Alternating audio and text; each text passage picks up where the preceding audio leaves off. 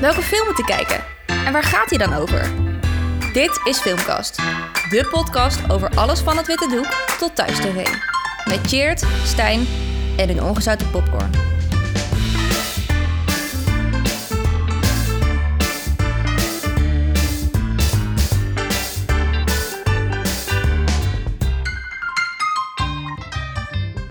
Vanavond kijken we V voor Vendetta. We zitten weer op mijn kamer in de grote leren bank. Voor ons staat mijn enorme tv alvast aan. Eh, het intro ziet er zwart-wit uit. Ik ben heel benieuwd. Oude film. Buiten is het extreem koud, winderig. Maar hier binnen is het lekker warm, voor zover de uh, thermostaat het toelaat. Ehm, we gaan het over verschillende acteurs hebben. Een uh, bekende acteur waar we het vorige keer over hebben gehad. We gaan het hebben over een regisseur die niet zo bekend is. over de gedachten achter deze bijzondere film. Um, en ontzettend veel meer. Ik zit hier samen met Stijn. Stijn. Hallo. Van harte welkom. Laten we beginnen. Dankjewel. Uh, je noemde het net al een paar dingen, hè? Vier voor Vendetta. Maar ja, waar gaat het eigenlijk allemaal over? Nummer 157 op het moment van maken van deze podcast. Op de top 250. Je zou zeggen redelijk laag. Maar toch scoort deze film een 8,2 van de 10 op IMDb met meer dan een miljoen recensies. 62 eh, scoort hij in de metascore. Dus hij heeft ze vooral uh, geliefd onder de echte fans. En de, de critici die, uh, die vonden aan het begin nog een beetje twijfelachtig wat ze ervan moesten vinden. De regisseur inderdaad niet heel bekend. Een assistent-regisseur bij The Matrix toevallig. Um, en daarna mocht hij deze film gaan regisseren in zijn uppie.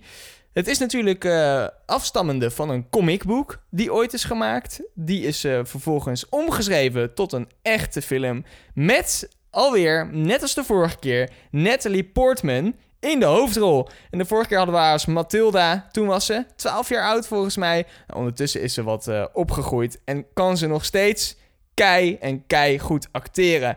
En dan heb je ook nog een andere hoofdrolspeler. En wie is dat nou? Wie is dat nou? Hij komt er in de hele film niet één keer onder zijn masker vandaan. Maar wij weten wie het is. En dat gaan we in deze podcast ook vertellen. Dit is uh, V voor Vendetta. If our own government was responsible for the deaths of 100,000 people, you really want to know? Those who are responsible will be held accountable. The time has come for you to live without fear. I'm ready. Ja, de film begint met een heel klein uh, flashback naar wat er ooit op 5 november ergens in 1800 is gebeurd. Een man, Guy Fawkes, die heeft daar, uh, heeft daar tonnen met, uh, met uh, buskruid neergelegd. Die wilde dat aansteken. En, en eigenlijk, je hoort dus Natalie Portman al vertellen over de 5e van november. En ze zegt, wie was die Guy Fawkes nou eigenlijk? Ja, klopt. Dus je, je begint eigenlijk met een stukje wat Natalie Portman introduceert. Terwijl zij eigenlijk aan het begin van de film deze informatie nog helemaal niet weet. Want op dat moment is die 5th of November voor haar nog helemaal onbelangrijk. Ja, het, het, klinkt eigenlijk alsof zij misschien wel terugblikt van het, vanaf het einde van de film en ons het verhaal gaat vertellen. Ja. En dus blijkbaar, ze zegt ook, ja, wie was die Guy Fawkes nou eigenlijk? Nou, laat zij nou toevallig uh, een soort reïncarnatie van Guy Fawkes uh, ontmoeten. Dus, dus we, nou ja, het volgende stuk is, er is een soort avondklok. Uh, het lijkt een beetje op, uh, op Nederland van nu. Totalitaire staat. Je wordt helemaal... Ge... Avondklok en al. Ja, het is, dus, uh, het is dus een heel grimmig sfeertje wat je meteen ziet. Hè? Je ziet haar... Donkere steegjes. Eigenlijk na, na dat introductie, het flashback stukje... kom je haar, zie je in, in haar appartement. zij gaat dan naar buiten. Je merkt al dat ze wat zenuwachtig is. je merkt meteen dat het geen normale wereld is, wat jij zegt. Dus nee, ze mag waarschijnlijk ook niet over straat. Want dat zeggen die fingermen dan ook. Die politieagenten van... Wat, wat doe jij hier over straat? Dat mag niet. Nee. Ehm, je ziet ook uh, dat, dat er mensen afgeluisterd worden. Uh, op een gegeven moment zit er een, uh, een enorm hoofd. als een dictator spreekt hij zijn, zijn minions toe van nou, zijn politici misschien wel van nou, wat, wat, moet er gaan gebeuren? Het hoofd van de politie zit erbij. Ja. een soort AIVD. Ja, je merkt al vrij snel inderdaad dat dit gewoon een, een, een dictatuurachtige bedoeling is. En het, iets wat we moeilijk her, kunnen herkennen eigenlijk. Ja, en Natalie Portman, die kennen we van onder andere de film die we de vorige keer hebben, hebben besproken. Leon, haar allereerste film. Dat klopt. Uh, nou, als je daar meer over wil weten, dan moet je gewoon even onze andere podcast luisteren. In de tussentijd heeft zij ook in Star Wars gespeeld. Dus zij een of andere prinses geweest. Ik weet eigenlijk niet wie. Pa, pa, pa- Ariadne, hoe heette zij? Eh, Weet je niet. Jij bent, een, eh, jij bent toch de Star Wars-kenner? Oh, pijnlijk.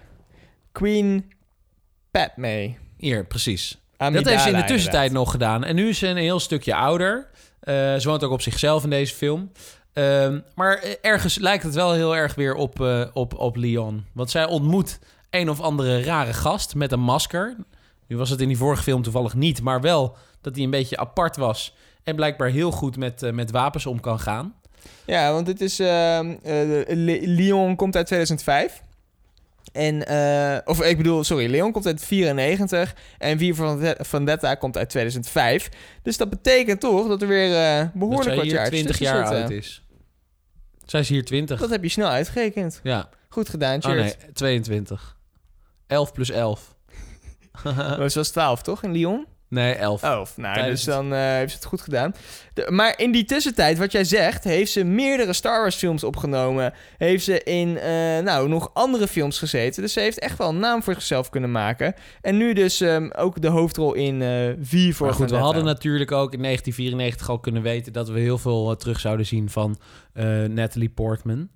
Eh, een andere acteur die eigenlijk heel lang, nou, de, hele film onbekend blijft, waarvan jij zei, nou, dit her- herken je meteen aan die stem. En Ja, ja, ik wist... Als je alle Lord of the Rings films extended editie eh 20 keer gezien hebt, dan kan ik het me ook wel voorstellen. Nou, dat is niet waar. Ik wist wie het was. En ik heb het een keer opgezocht nadat ik die film heb gezien. En dan herken je hem, zeg maar. Maar toch vind ik zijn naam. herkennen. Ik vind zijn naam niet zo ontzettend eh, bekend dat ik meteen wist wie het was. Jij zei het volgens mij halverwege. Nou, nog steeds wist ik het niet.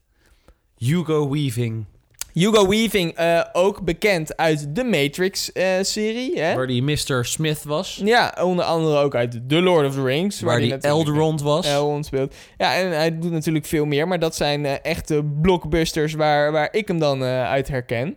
En ehm, ja, ik moet zeggen dat je zijn stem, als je dat weet, herken je zijn stem in deze film.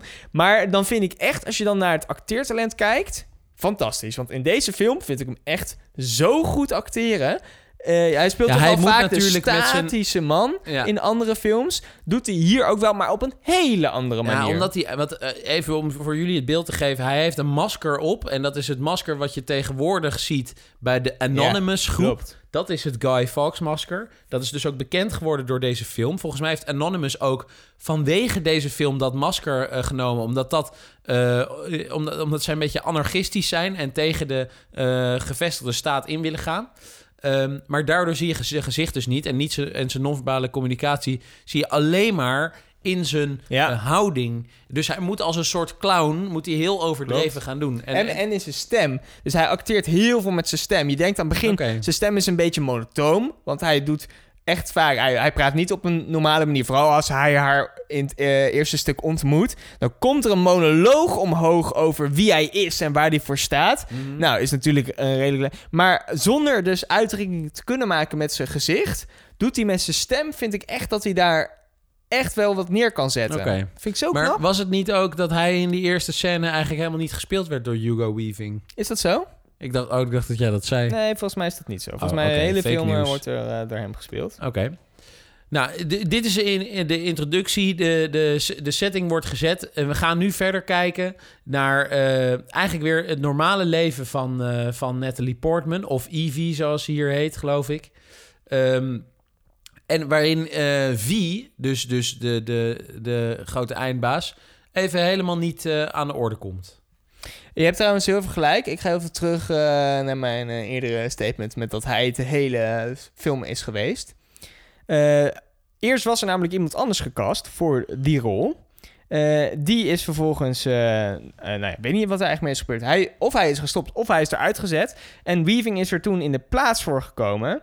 Ehm, maar dat is dus een paar weken geweest in filmen. En zijn stem hebben ze wel over eh, de Ja. acteertalenten van de vorige acteur heen geplakt. Ja. Dus hij voiced wel de hele film. Maar er zijn dus een aantal scènes, en we weten niet welke scènes dat zijn, die hij niet heeft geacteerd zelf. Ja, überhaupt was het het idee ook dat ze zijn stem er helemaal daarna helemaal zouden inspreken. Wat me ook wel lastig lijkt, want dan moet je dus, net zoals bij een cartoon, moet je, moet je meeleven met je stem, terwijl je niet op dat moment ook echt aan het acteren bent. Ja, maar ik denk dat, ja, dat klopt inderdaad wel. Maar ze hebben natuurlijk op het moment zelf ook geprobeerd het op te nemen. Maar omdat hij een masker op had, hadden ze een microfoon op zijn, volgens mij bij zijn haar en onder het masker. En allebei kwam het Ja, geluid er niet lekker uit. gemoffel. Nee. Snap ik natuurlijk ook. En daarna moest hij daarom nog een keer inspreken. Maar ik denk dat je je zou verbazen bij hoeveel procent van alle films dat wordt gedaan. Ja, Het is klopt. echt zoveel. Ja, ja niet, je zou denken, vroeger hadden ze niet zulke goede geluidsapparatuur. Maar tegenwoordig wordt ook zo ontzettend Ja. veel nagesynchroniseerd.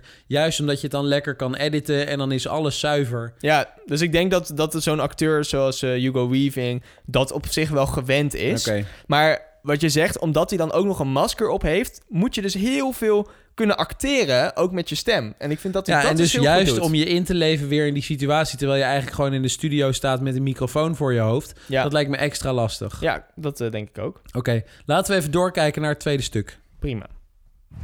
I wish I wasn't afraid all the time, but I am.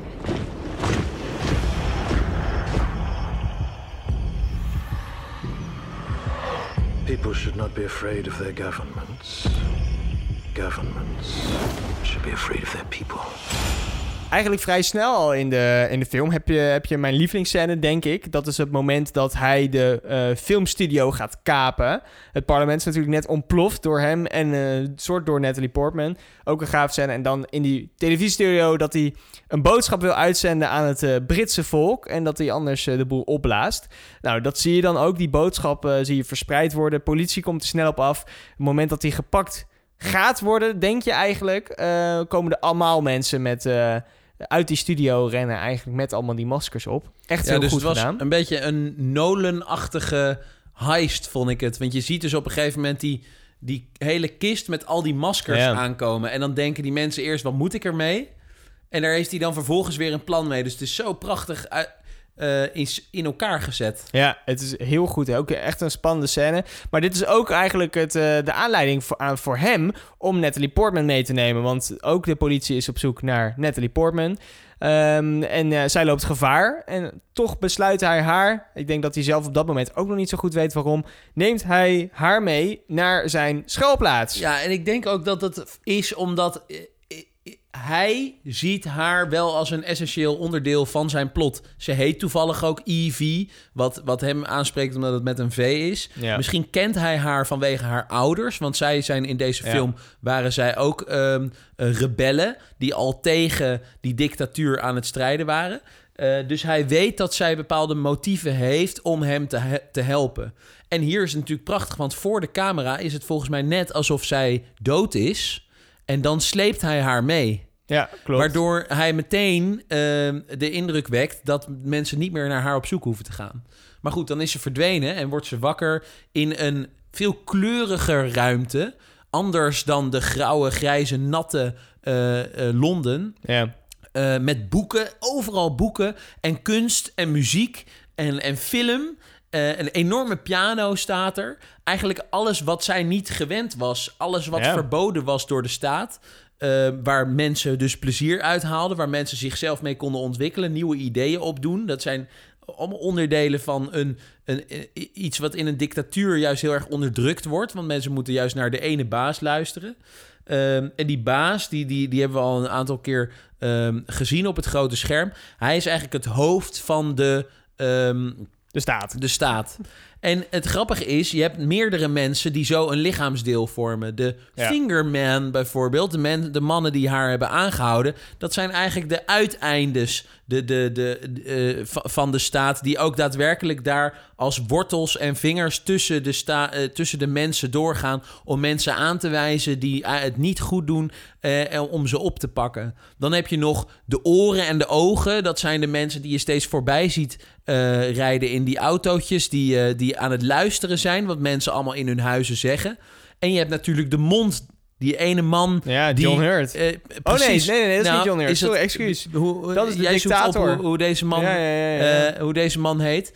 Ehm, die dus een soort praatprogramma heeft en daar propaganda aan het verkondigen is.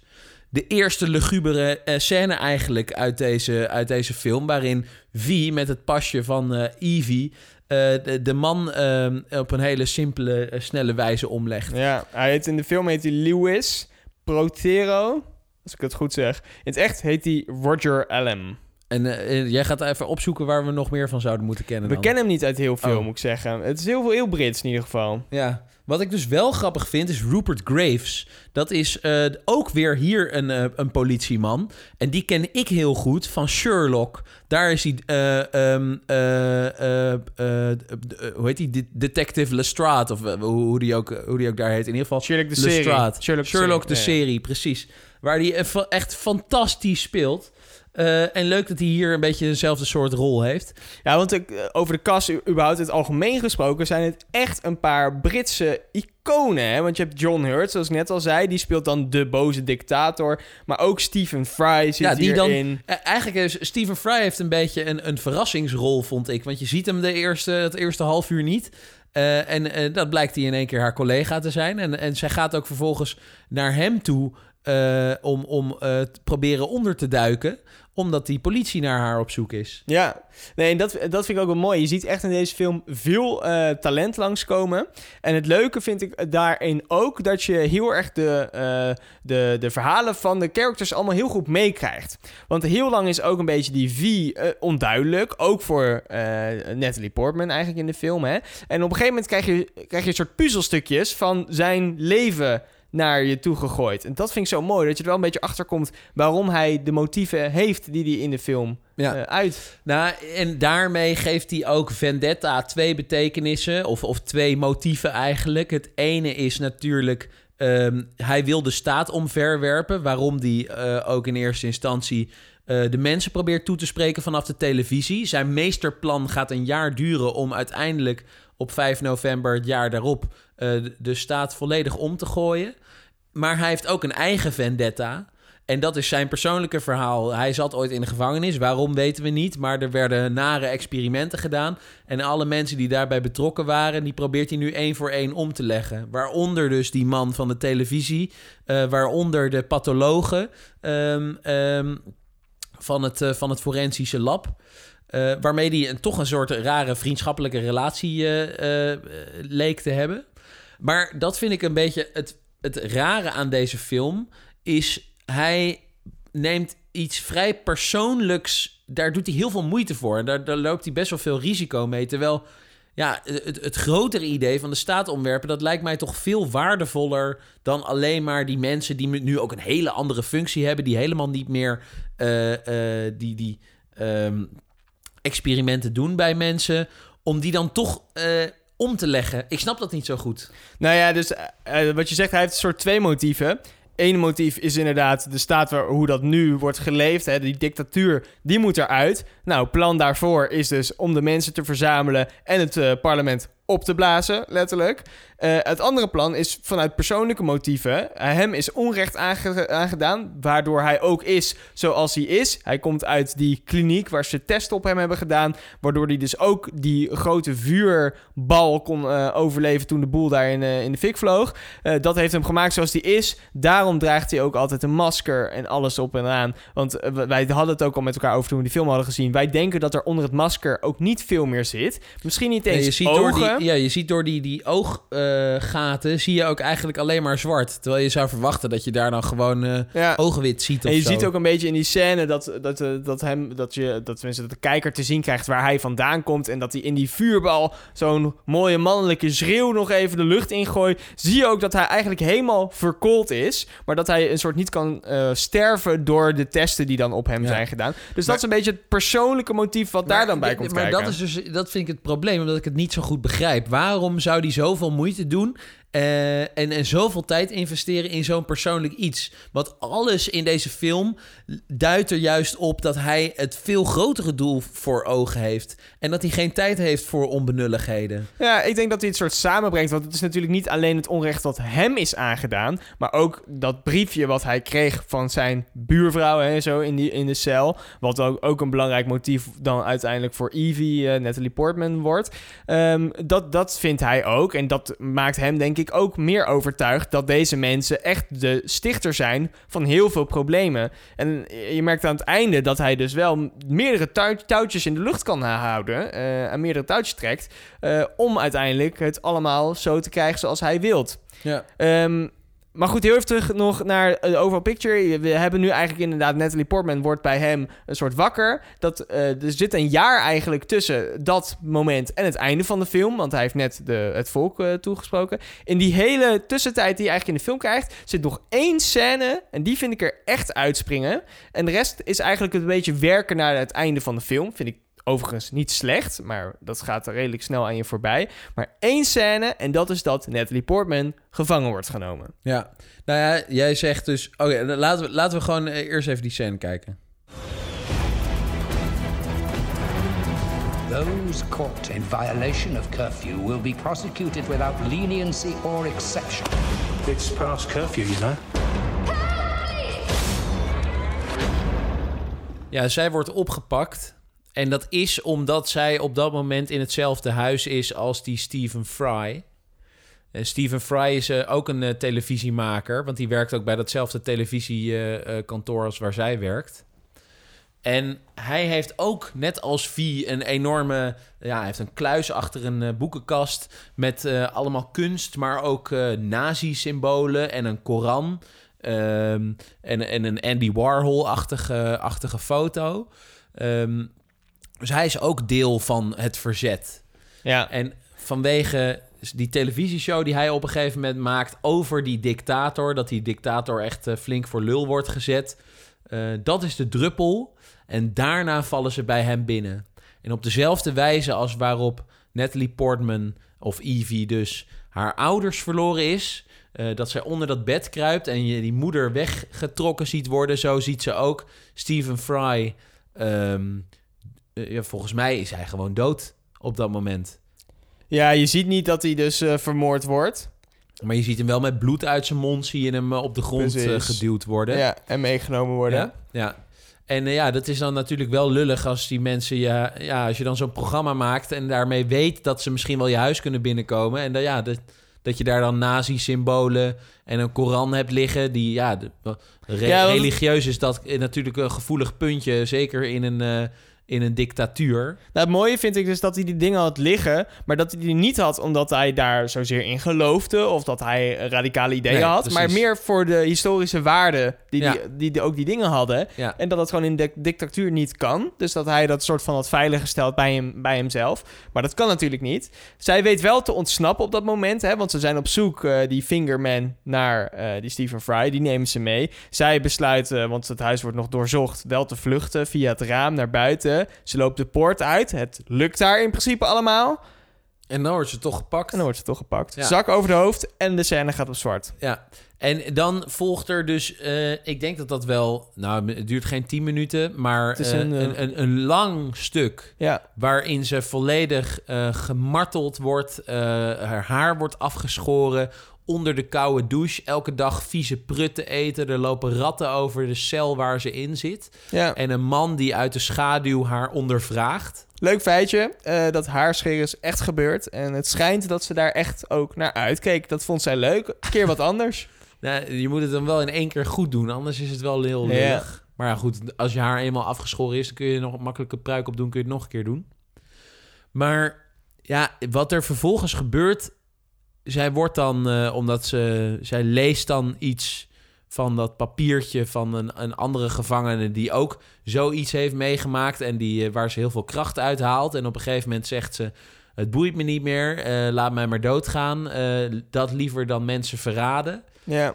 Dan blijkt die man in één keer vier te zijn en die Had zegt... jij het eh, door? Ja, tuurlijk. Ja, je had het door? weet Wanneer had je het door? Direct, omdat hij het Ook echt? vanuit de schaduw werd zij eh, toegesproken. En dat was niet echt hoe die Fingerman het Ah, doen. ja. Die lieten wel gewoon hun gezicht zien. Nou, ik heb de film dus een aantal keer gezien. Ik denk nu drie à vier keer. En de eerste keer had ik het echt niet door. Echt gewoon niet. Tot, tot aan het einde had ik het Wat niet grappig. door, omdat je er helemaal in zit. Ja. Maar goed, dat is ook al lang geleden dat ik die film heb gezien. Ja, maar ze gaan... Hij gaat zo ontzettend ver met haar Dat is het. eh, eh, isoleren en vernederen... Ja. dat je op een gegeven moment inderdaad niet meer kan voorstellen... dat hij dit ook echt doet. Dat Nee. had ik wel op een gegeven moment. Ik dacht van, nou, dit kan bijna niet. En op een gegeven moment vindt zij dan ook in die cel die brief die dan eigenlijk ooit eh, V heeft gevonden in zijn isolement. En dat vindt zij dan, omdat hij dat daar heeft neergelegd. Dat vind ik dus ook weer heel, heel sterk gedaan. Eh, want dat laat je alleen maar meer in die overtuiging dat het allemaal echt is. Want waarom zou ze dat allemaal anders vinden? En Ja. hij gaat inderdaad heel ver. Waarom zou hij zo ver gaan? Je ziet haar ook gewoon echt vermageren. En het lijkt alsof ze daar Ja, maanden ik in dacht die plek, echt dat op die zij plek daar zit. zou overlijden. Ja, dus, dus En- dat doet wel, me- do- zeg maar, dat helpt met de overtuiging dat het dus allemaal echt is. Maar daarom verbaasde mij het ook zo dat zij ehm, daar best wel oké uitkwam. Want een, een, een, een korte scène daarna, dan loopt zij de regen in en steekt ze haar armen op, net zoals die V ooit in dat vuur. Eh, alsof zij ja, nu eh, een, nieuw mens geworden is die wel de wereld aan kan. Ja, en, En- dat zegt hij ook tegen haar. Ja. Hè? Van je, ben, je, je kan nu niet meer pijn voelen eigenlijk. Je bent verlost van al het, nou ja, alle zorgen in de wereld. En nu ben je echt je, je zorgeloze zelf. Ja, maar ik vraag me af of hij dat niet ook op een iets simpelere manier had kunnen doen. Want zij heeft al het verhaal van haar ouders die rebellen waren. Die Stephen Fry, haar vriend, was ook een, eh, een rebel. Eh, Vie is goed voor haar geweest. Hij had haar echt wel op een andere manier kunnen overtuigen. Want nu heeft hij, ja, hij, hij heeft het zelf gezien. Ze, gelukkig maar. Ik dacht eigenlijk dat ze bij hem zou blijven. Dat had ik echt een heel slecht idee gevonden voor de film. Omdat het gewoon zo onwerkelijk is. Dat als je zo helemaal kapot gemaakt wordt... dat je dan zegt... Oh, oké, oh, gelukkig, het was maar een grapje. Ha, Ja. eh, eh, ik doe wel weer mee. Gelukkig is ze dat, heeft ze dat dus niet gedaan... en is ze naar huis gegaan. Ehm, maar het- het had van mij... en Nu, nu heeft hij dus niet eh, bereikt wat hij wilde eigenlijk. De- uiteindelijk dan misschien toch weer wel...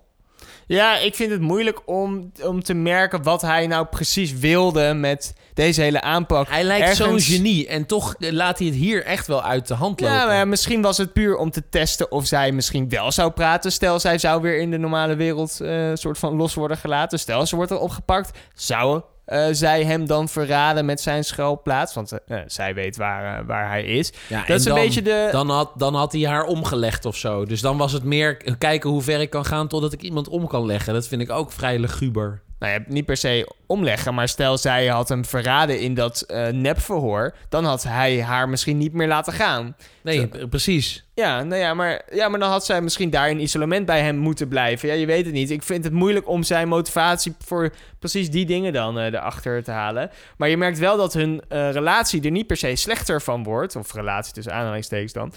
Ook niet per se beter, want zij besluit niet bij hem te blijven. Ehm, zij wil eigenlijk terug. Hij vraagt nog wel, mag ik je nog één keer zien voor dan die beruchte 5th of November? Daar stemt zij dan eh, in mee. En vanaf dat moment gaat eigenlijk dit film vrij snel richting het einde. Ja, vanaf d- dat is eigenlijk het hoogtepunt. Of althans, wat ik eigenlijk het hoogtepunt vond. Is op, je ziet continu zie je mensen televisie kijken. Dat is steeds één gezin met Ja, een vader, moeder, klopt. broertje en een zusje. En dat meisje, die zie je dus eerst eh, eh, als een normaal gezin. En die radicaliseert eigenlijk. Die, die, eh, on- ja, die gelooft ook wat eh, vertelt. En die wil ook strijden tegen, ehm, tegen de, de, de dictator. En zij wordt op een gegeven moment in een soort ja, achtervolgingje met, met een politiemannetje... wordt zij per ongeluk Ja, klopt. doodgeschoten. En ik denk dat dat het keerpunt is. Op dat moment, dan gaat iedereen tegen zo'n fingerman in... Uh, want hij laat nog zijn badge zien van... Ha, achteruit, ik ben hier de baas. Maar dan val, valt uh, het publiek aan. Ja. En dat is het hoogtepunt waarop... En, en dan kas, is het één grote cascade uh, naar het eindspel. Ja, en je krijgt eigenlijk een soort van twee eindspellen. Eén, natuurlijk de, de ontploffing van het parlement. En uh, twee is die persoonlijke uh, wrok die hij nog heeft tegenover de... Wat zei jij nou dat het was? De, de hersenen van de hele staat. De vijf hoofdpersonen eigenlijk, waarvan Ja. die dan twee wil Ja, de, echt... de, de, eh, de, de ogen en de mond en het hoofd uh, juist, van de staat. Ja, precies. en die weet hij dus. Hij weet twee kopstukken tegelijkertijd eigenlijk uh, om te leggen. Uh, maar dat overleeft hij zelf niet. En dat vind ik dan toch wel ook wel weer tragisch. Want het is een jonge gast. Hij had veel kunnen betekenen voor de nieuwe wereld. Uh, erg nobel dat hij overlijdt. Alleen hij had het niet op die manier hoeven doen. Hij wist namelijk, er staan twaalf mensen om hem heen. Die gaan allemaal schieten. En dat laat hij gebeuren. Als een soort eh, Ja. act. Maar goed, hij pakt natuurlijk wel de kans die hij kan pakken. Want hij heeft eigenlijk een deal met die Creedy. Breng mij de, de, de hoe noemen ze hem? De Grand eh, Master of zo? De, de allerhoogste pief? Geen idee, de kansler. Eh, eh, breng me die en ehm, ik zorg ervoor dat jij op zijn plek en je krijgt mij erbij als, als soort overwinning. Maar hij, dan lijkt het echt dat hij graag alleen maar die hoofdpersoon de hoogste pief wil pakken. Hè? Nou, die is er op een gegeven moment. Eh, die wordt dan ook door zijn hoofd geschoten. Dus dat is eigenlijk klaar. Maar op hetzelfde moment had hij al lang het plan om ook die Creedy nog eens uit, uit te schakelen. Ja. Dus ik denk dat hij, ja, hij pakt wel zijn kans. Een van de weinige kansen die hij waarschijnlijk in die wereld had gehad. Om die twee personen op dezelfde plek te krijgen. En het was misschien ook nodig om de aandacht af te leiden van de metro... die vervolgens onder het, eh, het parlement gaat staan en daar de boel laat ontploffen. Ja, Want zo gaan ze achter hem aan, terwijl hij dus niet op dezelfde plek is. nee. En zo eindigt het dus ook wel een grote climax. Het mooie is nog dat Natalie Portman dus nog wel even terugkomt. Nog een laatste dans met hem heeft voordat hij dus verdwijnt. Hij komt nog even terug. Eh, hij sterft letterlijk in haar armen, wat een mooi moment is. En het In een metro vol met rozen. Ja, en het fantastisch is natuurlijk ook dat zij dan de metro het laatste duwtje eigenlijk geeft. En dat dan helemaal terug wordt gekoppeld eigenlijk aan het allereerste wat je in deze film ziet. Het parlementgebouw. Ja. Dat wordt opgeblazen. Ja, en daarmee dus... eh, eh, je, je hebt nu dat de mensen, het publiek is omver, om. Dus, dus die Ja. staan allemaal te kijken. Die, die vechten ook, Ook tegen met allemaal die leger. maskers op. Iedereen, allemaal die maskers. Eh, maar ook op een gegeven moment, zij wordt bijna gepakt door de politieman. En hij, laat, hij staat toe omdat zij toch die hendel om, eh, omtrekt. Ja. Dus ook die politiemensen zijn eindelijk om. Eh, en dan inderdaad het allerlaatste, om dat nog even extra te bezegelen, doen mensen hun masker af. Eindelijk hoeven ze niet meer te leven onder eh, die, die, ja, die, die, die neppe regels. Ze hoeven niet meer zich anders voor te doen dan ze zijn. En dan doet, doen in één keer alle hoofdpersonen die ook halverwege al overleden zijn hun masker af. Dus die toch weer herleven, net zoals Vie eh, in, in een nieuwe wereld. Ja. En toen zei ik eigenlijk, we hebben natuurlijk vorige week hebben wij eh, Lyon gedaan. Toen zei ik tegen jou, deze film lijkt eigenlijk best wel veel op Lyon. Aan het begin, allebei Ja. natuurlijk met Natalie Portman, hè, dat is een van de grootste overeenkomsten. Maar aan het begin wordt Natalie Portman een soort van, eh, die, die, die vlucht een soort van en wordt opgevangen door dan hier Vie en in Leon was dat Leon. Gaan de hele film een soort van door. Zij wordt heel zelfstandig ook in de film. ehm, leert heel veel van de hoofd, andere hoofdpersoon. En aan het einde gaan allebei de andere hoofdpersonen, zeg maar haar leermeester, overlijden allebei in een hele mooie, grootse scène en manier. Waarna ze, zeg maar, ze hebben allebei wat bereikt. En zij blijft een soort van over. Wat je ook in deze film ziet. Dus ik vond het grappig dat er een paar opvallende Ja, ik, overeenkomsten ik had er dus waren. inderdaad helemaal niet zo naar gekeken. Maar er, er zijn zoveel overeenkomsten. Eh, ik vind het erg bijzonder. Ja. En toch is deze film volledig anders. Het, het, het, het idee is natuurlijk eh, het omverwerpen van, eh, van, van die, die huidige maatschappij. En dat was in Lyon natuurlijk helemaal niet het geval. Daar ging het puur om eh, haar eigen vendetta. ja. Terwijl dit veel groter is. Je zou kunnen zeggen, het is, eh, het is een film uit 2005. Het is toch een soort van cultfilm eh, geworden. Vooral ook door de maskers, denk ik, die blijven. Die zie je vandaag de dag Ik denk nog dat dat het terug. belangrijkste is. Dat, dat vanwege die maskers het, het, het zo groot is geworden. Ja, precies. En het mooie is, dat vind ik nog het, laatste misschien leuke feitje. Eh, die maskers zijn natuurlijk nu nog steeds een groot terugkomend thema. In de comics hebben ze, heeft de schrijver, dat was toen één schrijver of tekenaar, eh, die heeft toen steeds het, het masker aangepast aan de situaties waarin V zich bevond. Dus eh, hij kon bijvoorbeeld wat, wat bozer kijken of juist even met iets een blijer. lach. Ja, het ja. masker het Dat het aangepast. gaat leven. Ja, gaat leven. In de film hebben ze dat ook nog geprobeerd. Kwam niet goed over op film, dus hebben ze één masker Ja, gecreëerd. ja, dit is toch een beetje te cartoonesk, denk ik, als je dat zou doen. Dan wordt het, wordt het te slapstick. Ik vond het al een beetje slapstickerig dat hij met zo'n bloemetjes schort en zo rondloopt en een beetje aan het, zo aan het eh, eh, piepelen dansen Nou, ik vind is. het mooi dat hij eigenlijk een heel zwaar karakter is, maar dat hij zelf nog heel erg eh daar daarbovenuit stijgt eigenlijk. Er Ja. zit nog wat humor in. De Ja, dat jukebox. Dat, het geeft allemaal wat een luchtig laagje eraan. Ook, Klopt. ook die dingen die je meegeeft. Klopt. Maar als je kijkt, nummer 157 eh, op de lijst. Ik Geef vind- je hem dat? Nou, ik vind zeker dat dit dat de V Vendetta tot de, eh, de, de beste films behoort. Maar vooral vanwege het concept. Eh, en het is ook daadwerkelijk goed uitgevoerd. Maar sommige dingen vond ik te lang duren. En andere dingen had ik te weinig tijd voor. Het is net niet artistiek genoeg, vind ik. Om hem, om hem echt heel hoog te scoren. Hij moet in die 250 staan. En dan 100 zoveel eh, vind ik prima. Ja, het interessante vind ik dat deze film is wel een aantal keer genomineerd voor prijzen, maar bijvoorbeeld niet voor een Oscar of andere grote Nee. filmprijs. Nee, nee, maar het acteerwerk is ook niet zo top-notch dat je daar nou allemaal prijzen voor zou moeten, vo- moeten gaan geven, denk ik. Ik denk dat het de samenwerking is met al deze acteurs. Het is leuk dat het uit een stripboek komt. Het is leuk dat het over de toekomst gaat. Eh, er, er zitten wat nieuwe dingetjes in. Eh, eh, ze hebben die dictatuur hebben ze mooi verwoord. Maar eigenlijk is het gewoon ehm, ehm, een, een simpel, simpel Engelse ehm, eh, streekfilm. Ja, vind jij dit echt? Ja, ja, Nou, ja. Ik vind dat er wel wat meer diepgang eh, in zit, maar dat is, eh, dat is prima. Ik, vind- ik, ik vind hem ook moeilijk te plaatsen in een bepaald genre. Misschien is dat ook wel wat het moeilijk eh, maakt. Maar eh, goed, ik, ik geef hem een dik die plek. Voor mij had hij ook wel wat hoger gemogen, maar er zijn zoveel Ja. goede, goede Nee, maar ik vind, ik vind zijn cijfer 8, ja, hij had hem wel een 8,5 mogen hebben of zo. Er, er, er is niet een heel groot aantal films wat ik, wat ik een 8,5 zou geven. En daar, hij past er wel echt bij. Ja. Eh, Eh, bedankt eh, voor het luisteren naar deze week eh, podcast, eh, filmkast, eh, waar je nu naar luistert. Dingen. Het was gezellig. We zijn weer Tot zwaar over tijd. Ja, over twee weken horen jullie weer van ons. Helemaal goed. Bedankt voor het luisteren en dan cheers. Dag.